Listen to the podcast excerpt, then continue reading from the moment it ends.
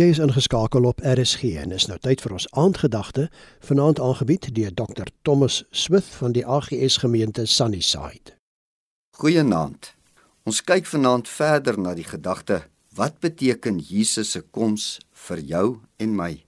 Die derde gedagte vind ons in Lukas 4 vers 18 en 19. Hy het my gestuur om die wat verbryseld van hart is te genees, om die wat gebroken is in vryheid weg te stuur. Wat 'n wonderlike gedagte. God gee nie alleen vir jou liggaam en jou uiterlike om nie. Hy gee ook soveel vir jou innerlike, jou gees, jou siel en jou emosies om. In ons dag is daar soveel mense met verbryselde harte.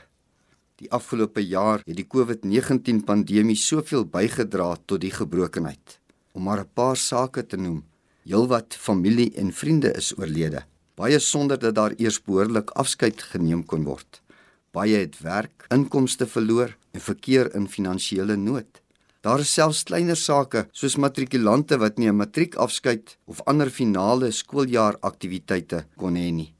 Alles wat bygedra het tot verlies en gebrokenheid. Dit is so wonderlik om te weet God weet van jou hartseer en pyn. Dit maak vir hom saak. Hy wil jou stikkende, gebroke en verbryselde hart genees. Psalm 34 vers 19 sê Die Here is naby die wat gebroken is van hart en hy verlos die wat versla is van gees.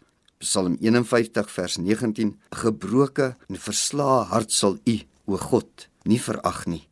Jesus maak die wonderlike uitnodiging in Matteus 11 vers 28. Kom na my toe, almal wat vermoeid en belas is, en ek sal julle rus gee. Ek wil jou vandag aanmoedig, neem jou laste, jou gebrokenheid jou hartseer en pyn na hom.